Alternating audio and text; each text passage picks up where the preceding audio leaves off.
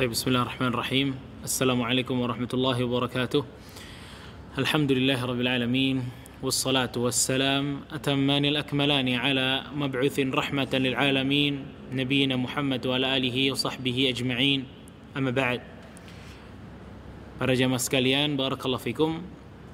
Kita di sore hari ini ternyata udah masuk 10 malam terakhir bulan Ramadan. Ya. Ini waktu yang memang subhanallah, waktu ini berjalan dengan begitu cepatnya ternyata kita sekarang udah di penghujung bulan Ramadan. Ya, udah pantas untuk kita semua ini bermuhasabah dengan apa yang telah kita kerjakan di hari-hari sebelum sekarang ini. Sebelum masuk 10 malam terakhir bulan Ramadan udah berapa juz yang kita baca atau udah berapa kali hatam ya apakah kita masih dengan di dalam track ketakwaan kepada Allah Azza wa Jalla atau enggak apa kita udah mulai males kita udah mulai bosan dalam beribadah kepada Allah Azza wa Jalla ya. Kita udah nggak semangat dengan kondisi yang ada dan lain sebagainya. Ini perlu dimuhasabah lagi. Karena ya khwata ya kalau lomba aja sebagaimana Ibnu Jauzi mengatakan kalau orang lagi lomba pacuan kuda itu kapan kudanya bakal di apa namanya dipecut biar kenceng banget jalannya? Kapan? Di akhir lapnya. Di dekat garis finish. Ya karena semuanya itu tergantung akhirnya walaupun ya kalau dari contohnya Nil Jauzi ya kalau kuda itu mulai dari startnya bareng-bareng sama yang lain tapi kalau dia nggak sampai ke garis finish, dia nggak bakal pernah dikenang, dia nggak bakal pernah dikatakan orang ini telah, telah selesai dari lomba A atau lomba B. Enggak. Kapan dia dikatakan selesai? Kapan dia bisa jadi pemenang bahkan? Pada saat dia menyentuh garis finish. Nah, Al-Imam Al-Jauzi rahimahullah ta'ala, ikhwata barakallahu fikum, beliau mempercontohkan hal tersebut untuk orang-orang yang masuk ke 10 hari terakhir bulan Ramadan. Justru di hari-hari inilah kita mesti senantiasa lebih semangat dibanding hari-hari sebelumnya. Ya, karena subhanallah kita nggak sadar ya. Kayaknya kemarin kita baru berdoa kepada Allah, Allahumma balighna Ramadan, ya Allah temukan kita dengan bulan Ramadan. Ternyata sekarang kita di akhir dari bulan Ramadan. Seakan-akan kita baru aja pertama tuh buka bersama sama keluarga kita di hari pertama bulan puasa. Ternyata sekarang udah masuk 10 terakhir bulan Ramadan. Subhanallah. Ya. Makanya kata barakallahu fikum ternyata Ramadan itu berjalan dan cuek. Ramadan hari-harinya, waktunya berputar dan cuek. Dia nggak pernah mikirin apakah kita udah ibadah apa belum. Dia terus jalan. Ramadan waktu-waktunya itu terus berjalan. Dan cuek nggak pernah ngeliat kita kita udah berubah apa belum. Dia nggak mau tahu dia tetap jalan. Itu Ramadan. Ramadan nggak pernah nungguin kita untuk berubah.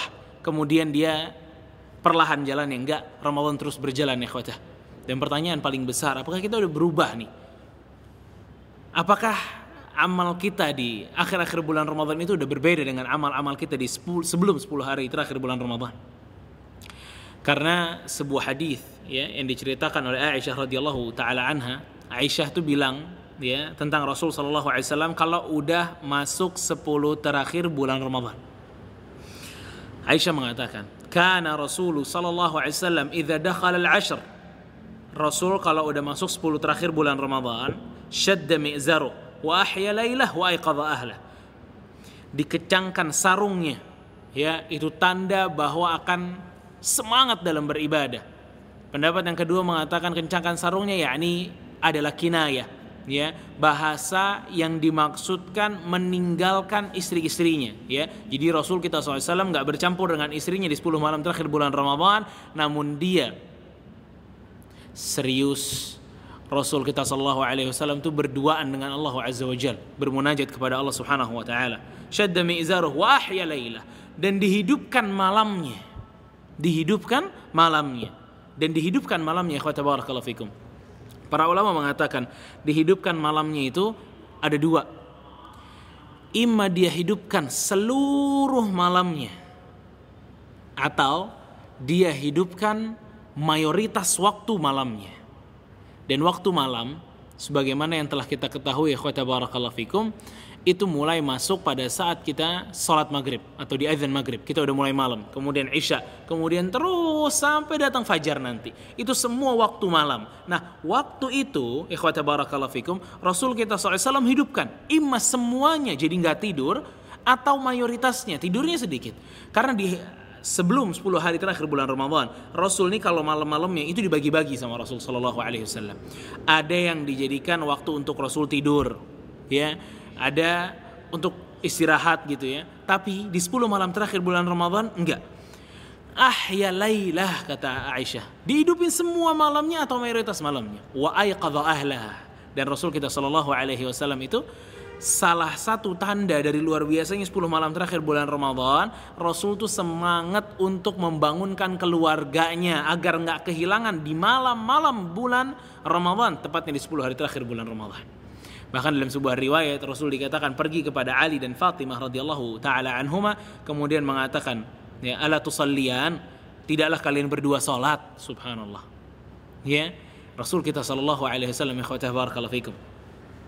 Orang yang paling mengerti kapan waktu untuk berdakwah. Orang yang paling mengerti kapan privasi orang di mana privasi orang dan apa yang mesti diperbuat di waktu-waktu tertentu namun di 10 malam terakhir bulan Ramadan Rasul justru malam-malam itu nyamperin Aisyah dan uh, uh, nyamperin Ali dan Fatimah untuk apa? Untuk menasehati mereka, mengingatkan mereka untuk sholat di 10 malam terakhir bulan Ramadan di malamnya. Nah, kayaknya kan disebutnya kan 10 malam terakhir bulan Ramadan. Karena Ali Imam Qayyim rahimahullah taala kalau siangnya yang paling afdal adalah siang di bulan Muharram, ya. Uh, walayalin ashir di 10 hari awal bulan Muharram. Kalau malamnya itu yang paling afdal adalah 10 terakhir bulan Ramadan. Makanya ini malamnya ini yang dijadikan fokus ya barakallahu fikum. Makanya kan Rasulullah SAW itu diceritain sama Aisyah wa ahya laila malamnya dihidupkan oleh Rasul sallallahu alaihi wasallam ya. Dan menariknya ikhwata barakallahu fikum juga dikatakan oleh Aisyah dalam hadis Muslim Rasul sallallahu alaihi wasallam kalau udah masuk di 10 malam terakhir bulan Ramadan apa kata Aisyah? Yajtahidu ma la yajtahidu fi ghairihi. Ini ajib jiddan, luar biasa. Kata Aisyah, Rasul kalau udah masuk 10 terakhir bulan Ramadan, yajtahid semangat ibadahnya, sungguh-sungguh ibadahnya berbeda dengan semangatnya di selain 10 malam terakhir bulan Ramadan. Allahu Akbar. Ikhwatah barakallahu fikum. Rasul nggak usah masuk 10 terakhir bulan Ramadan. Ibadahnya udah kayak apa? Rasulullah SAW itu pernah sholat sampai kakinya bengkak. Subhanallah. Rasul pernah maghrib aja baca atur Rasul pernah sholat sama sahabat baca Al-Baqarah, baca Ali Imran, baca An-Nisa, subhanallah. Kata Aisyah, yajtahidu ma la yajtahidu fi ghairi. Tapi kalau udah masuk 10 malam terakhir bulan Ramadan, beda. Ibadahnya lebih rajin, ibadahnya lebih istimewa, ibadahnya lebih sungguh-sungguh lagi, subhanallah. Bagaimana ya Rasul kita sallallahu alaihi wasallam beribadah dengan luar biasa di 10 malam terakhir bulan Ramadan. Makanya ada sebuah hadis yang mestinya bisa jadi pecutan kita untuk bersemangat dan kita bertambah gitu ya semangat kita di 10 terakhir bulan Ramadan itu perkataan Rasul kita sallallahu alaihi wasallam. Man shama ramadhana imanan wa ihtisaban. Siapa yang berpuasa di bulan Ramadan dalam keadaan beriman dan ihtisab mengharapkan pahala dari Allah ghufira lahu ma taqaddama min dhanbi. Allah akan ampuni dosa-dosa yang ia miliki. Ya. Waman qama lailata qadri dan siapa yang menghidupkan Lailatul Qadar imanan wa ihtisaban dalam keadaan beriman dan dia mengharapkan pahala dari Allah ghufira lahu ma taqaddama min dhanbi maka akan diampuni juga dosa-dosanya yang telah lalu oleh Allah Subhanahu wa taala. Muttafaqun alaih. Ikhwata barakallahu fikum. Ini udah waktu-waktu yang paling luar biasa. Waktu-waktu yang paling mahal mungkin di kehidupan seseorang adalah sekarang. 10 malam terakhir bulan Ramadan. Dan setiap dari kita ya barakallahu fikum itu akan mengalami 10 malam terakhir yang ia miliki. Dan kita nggak tahu apakah 10 malam terakhir ini nih yang sekarang kita rasakan itu terakhir untuk kita atau tidak. Apakah kita akan masuk di bulan Ramadan tahun depan dalam keadaan sehat atau kita masuk bulan Ramadan dan kita tinggal nama saja, kita nggak ada yang tahu. Makanya ikhwata barakallahu fikum sudah sepatutnya ya kita ini memaksimalkan akhir-akhir bulan Ramadan ini ya. Para ulama menyebutkan ikhwata barakallahu fikum rahasia dari di mana Allah Subhanahu wa taala benar-benar atau Rasul kita SAW itu benar-benar menyemangati orang itu di 10 malam terakhir bulan Ramadan ya kata para ulama anna hadhihi al-ashr hiya khitamu syahril mubarak karena 10 malam terakhir ini adalah penutupan dari bulan yang sangat mulia ini. Dan sebagaimana yang kita tahu kaidah besar dari Rasul kita sallallahu alaihi wasallam adalah al a'malu bil khawatim. Amal tuh tergantung akhirnya. Gimana akhirnya? Dan para ulama juga mengatakan kenapa 10 malam terakhir itu lebih digiatkan ibadahnya? Karena ada sebuah hal yang sangat istimewa di 10 malam terakhir bulan Ramadan. Adanya malam Lailatul Qadar. Sebagaimana yang telah kita ketahui bersama ikhwata ikhwata barakallahu fikum 10 malam terakhir bulan Ramadan sudah sepatutnya kita giatnya luar biasa untuk memaksimalkan 10 malam terakhir bulan Ramadan banyak ibadah yang dilakukan Rasul kita Shallallahu Alaihi Wasallam di 10 malam terakhir bulan Ramadan Rasul kiam, Rasul ngaji, berzikir, berdoa dan lain sebagainya, ya. Namun apa? Amalan yang paling afdol dikerjakan di malam 10 malam terakhir bulan Ramadan. Apa yang paling afdal? Khata barakallahu fikum. Amalan yang paling afdol dikerjakan di 10 malam terakhir bulan Ramadan adalah Salat maghrib dan isya Salat maghrib dan isya Kenapa? Bukankah dua waktu salat ini khawata barakallahu fikum Itu adanya di malam hari Maghrib dan isya. Dan Rasul kita sallallahu alaihi wasallam telah mengatakan dalam hadis qudsi ya ma taqarraba Allah mengatakan ma taqarraba ilayya 'abdun.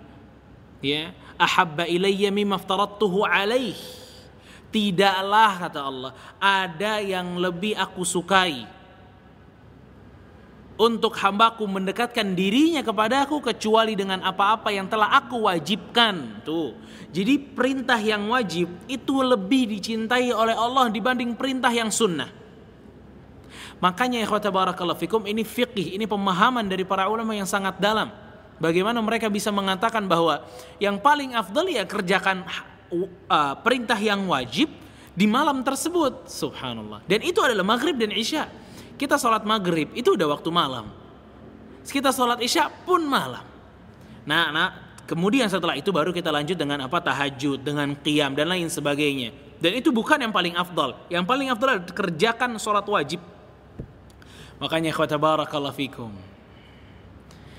Mukmin yang cerdas dia adalah orang yang mengetahui kapan semangat maksimal mesti dikeluarkan. Kapan upaya paling maksimal mesti dikeluarkan. Yaitu di sholat maghrib dan sholat isya. Makanya salah perhitungan seseorang kalau dia itu ternyata semangat di sunnah tapi lemah di wajib. Nggak bisa.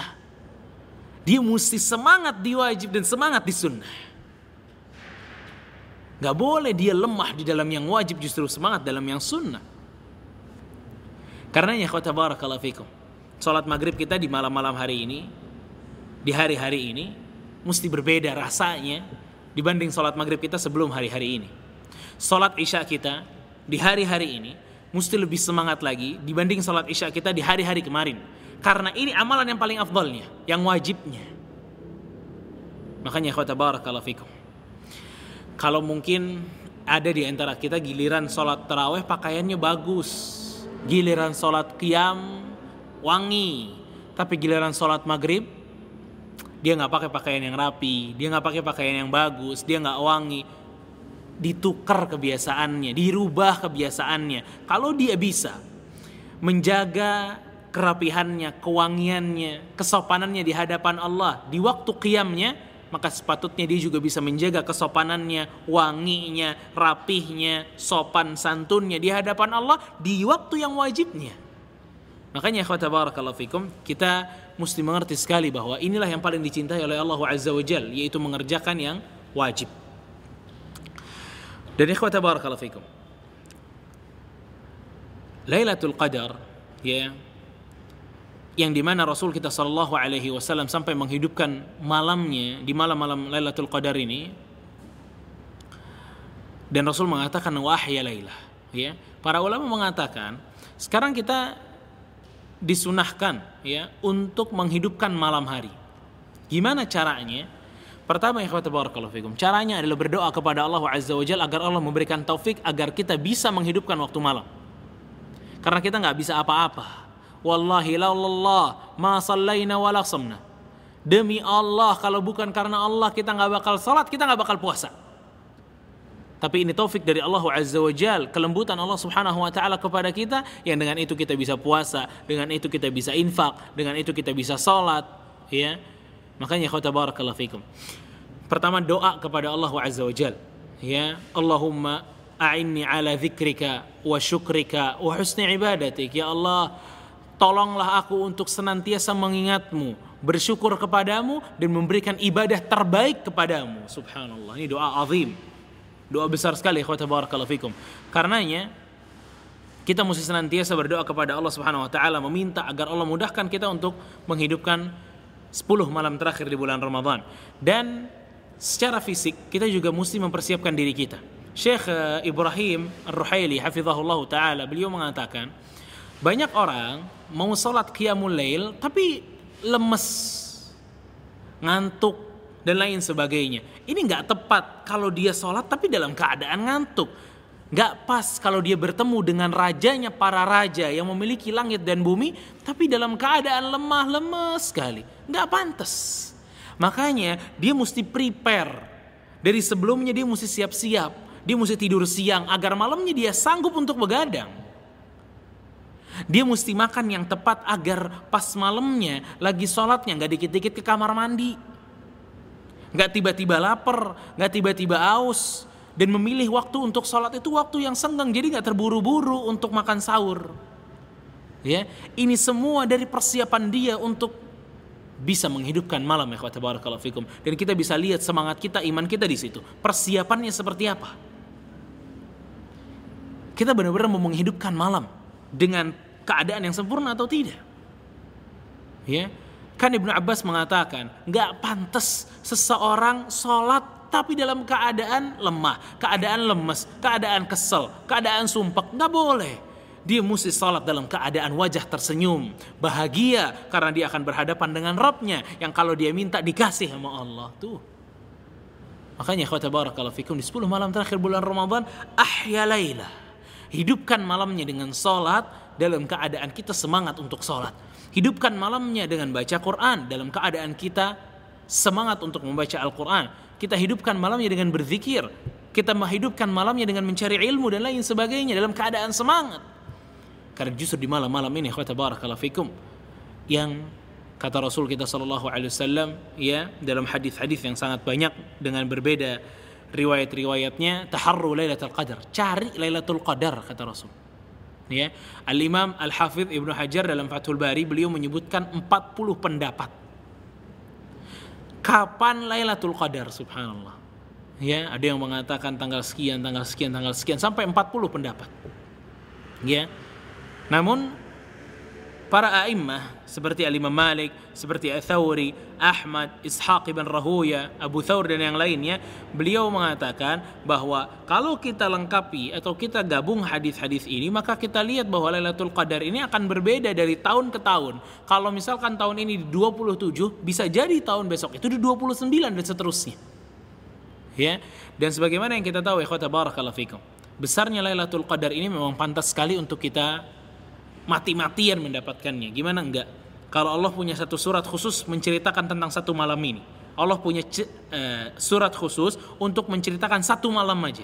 Satu malam dong diceritain satu surat khusus oleh Allah. Yaitu malam Lailatul Qadar dan surat Al-Qadar.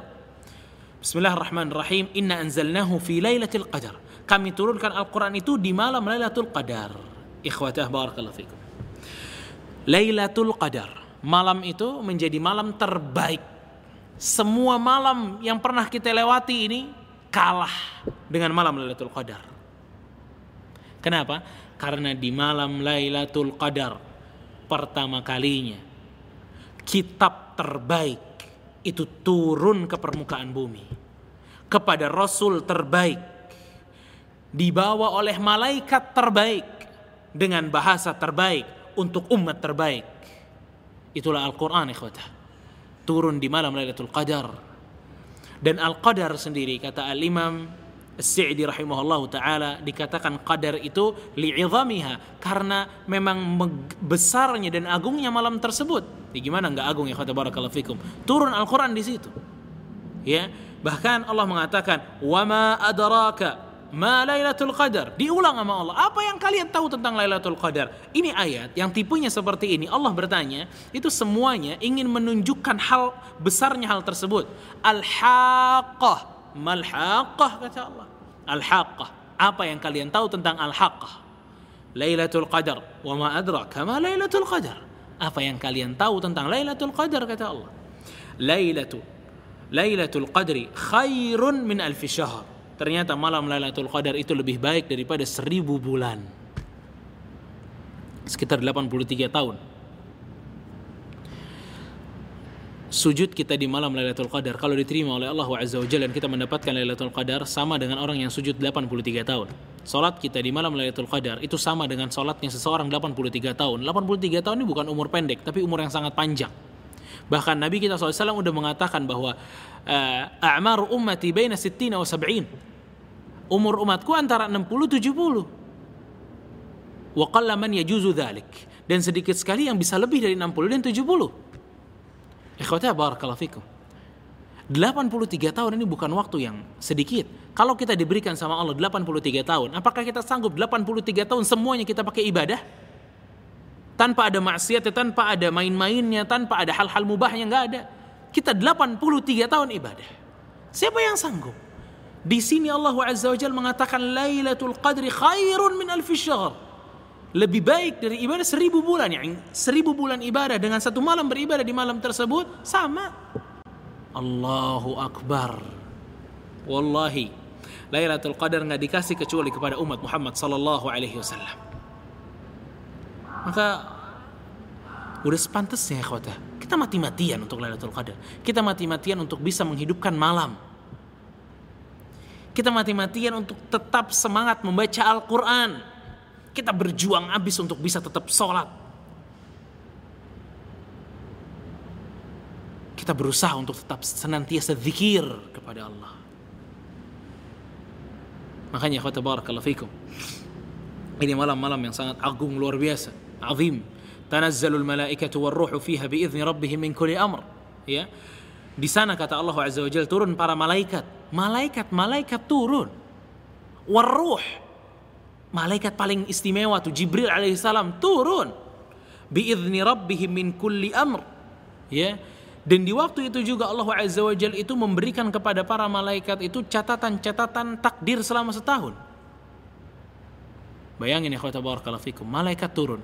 Makanya dalam riwayat Ibnu Khuzaimah Rasulullah SAW mengatakan ya adadul malaikah jumlah malaikat di hari itu di malam Lailatul Qadar itu ka'adadil hasa sama seperti jumlahnya batu kerikil di dunia. Allahu akbar. Banyaknya itu malaikat yang turun tanda dari rahmat Allah Azza wa memang turun sangat luar biasa di malam Lailatul Qadar. Makanya kata barakallahu fikum di 10 malam terakhir ini kita disuruh cari sama Rasul Lailatul Qadar.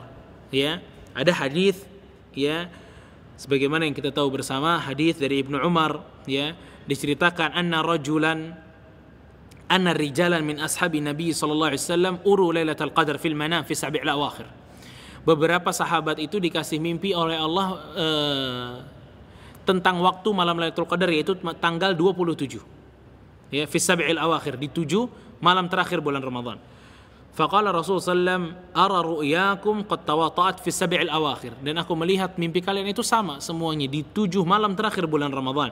Faman mutaharriha falitaharriha dan siapa yang mencari malam Lailatul Qadar maka carilah di tujuh malam terakhir bulan Ramadan. Ya. Makanya ini salah satu riwayat ya. Di riwayat yang lain Rasul sallallahu alaihi wasallam mengatakan uru fil ashril awakhir. Aku melihat mimpi kalian itu semuanya di 10 malam terakhir. Faltamisuha fil witri minha. Maka carilah bulan uh, malam Lailatul Qadar di hari-hari ganjil dari 10 malam terakhir bulan Ramadan. Karena hari-hari ganjil di 10 malam terakhir bulan Ramadan kansnya lebih besar untuk Allah Subhanahu wa taala berikan malam Lailatul Qadar di situ. Ya. Dan banyak hadis-hadis lain yang menceritakan tentang waktu ya Lailatul Qadar ya. Namun intinya ikhwata barakallahu fikum. Kita ya harus memanfaatkan waktu 10 malam terakhir bulan Ramadan. Karena Rasul, itikafnya, itikafnya Rasul itu masuk mulai dari hari pertama dari 10 malam terakhir bulan Ramadan. Digenapnya Rasul nggak keluar, enggak, tetap ibadah Rasul. Ya, jadi kita nggak bisa sebenarnya membedakan antara yang genap, kalau genap saya ibadahnya kayak gini, kalau ganjil ibadahnya kayak gini. Ini nggak terjadi dari di diri Rasul kita Shallallahu Alaihi Wasallam. Tapi Rasul SAW mau yang genap, mau yang ganjil tetap etikaf, tetap ibadah. Ya, tetap etikaf dan tetap ibadah. Makanya ikhwata barakallahu fikum. Kita udah nggak pantas ngomongin maksiat di 10 malam terakhir bulan Ramadan. Wallahi, kalau kita nggak rem nih diri kita sekarang ini, Kapan kita mau rem diri kita untuk gak maksiat kepada Allah? Kalau kita nggak paksakan diri kita untuk bangun malam sholat, kapan kita mesti paksakan diri kita untuk bangun malam dan sholat? Kalau kita nggak bangunin keluarga kita di malam hari, di akhir bulan Ramadan ini, kapan kita pantas untuk membangunkan mereka? Sedangkan Rasul kita Shallallahu Alaihi Wasallam mengatakan, ya, rahimallahu ra'an, rahimallahu rajulan, qama minal laili fasalla Allah merahmati seorang laki-laki yang bangun di tengah malam lalu membangunkan istrinya. Fa in abat wadaha wadaha fi fi ma fi ma. Kalau nggak mau bangun istrinya dicipratkan air ke wajah istrinya. Wa rahimallahu dan Allah juga merahmati seorang wanita. Qamat minal laili fa bangun di tengah malam terus salat fa'iqadat zaujaha dia bangunin suaminya. Fa'in aba nadahat fi wajhil ma. Kalau nggak mau suaminya bangun dicipratkan air ke wajah suaminya. Tuh dikasih rahmat. Kalau suami istri saling membangunkan dikasih rahmat. Suami istri dikasih rahmat mengebangunin aja dikasih rahmat. Gimana kalau suami istri ini sholat bareng? Allahu akbar. Indah rumah tangganya. Ya makanya di sini justru waktunya ikhwata barakallahu fikum untuk kita bersemangat luar biasa bermunajat kepada Rabbul Alamin ya dan ini juga waktu di mana kita diperintahkan oleh Rasul sallallahu alaihi wasallam sebagaimana dalam hadis Aisyah ya in wufiqtu lailatul qadar kalau aku diberikan oleh Allah taufik bisa menghidupkan malam Lailatul Qadar. Famadza aqul? Apa yang mesti aku katakan kata Aisyah? Apa hadis dari Rasul SAW? Allahumma innaka afuwun tuhibbul afwa fa'fu anni. Ya, ini doa terus kita bacakan ikhwata barakallahu fikum. Karena nggak ada dosa yang nggak akan diampuni oleh Allah Azza wa Jal selama kita telah bertobat kepada Allah Subhanahu wa taala. Makanya ikhwata barakallahu fikum, terus di hari-hari ini kita panjatkan doa ini Allahumma innaka afuwun tuhibbul afwa fa'fu anni. Barakallahu fikum ikhwatah para jamaah sekalian semoga Allah Subhanahu wa taala memberikan taufik kepada kita semua untuk menghidupkan malam-malam Lailatul Qadar. Semoga Allah Subhanahu wa taala memberikan kepada kita dan pada kaum muslimin kepada keluarga kita malam Lailatul Qadar. Semoga Allah Subhanahu wa taala menerima ibadah puasa kita. Semoga Allah Subhanahu wa taala menghilangkan wabah ini secepatnya. Semoga Allah Subhanahu wa taala senantiasa memberikan kita kesehatan dan memasukkan ke surga firdausnya. Barakallahu fikum. Semoga bermanfaat kurang lebihnya saya mohon maaf wasallallahu ala nabiyina Muhammad wa alihi wa sahbihi ajma'in thumma assalamu alaikum warahmatullahi wabarakatuh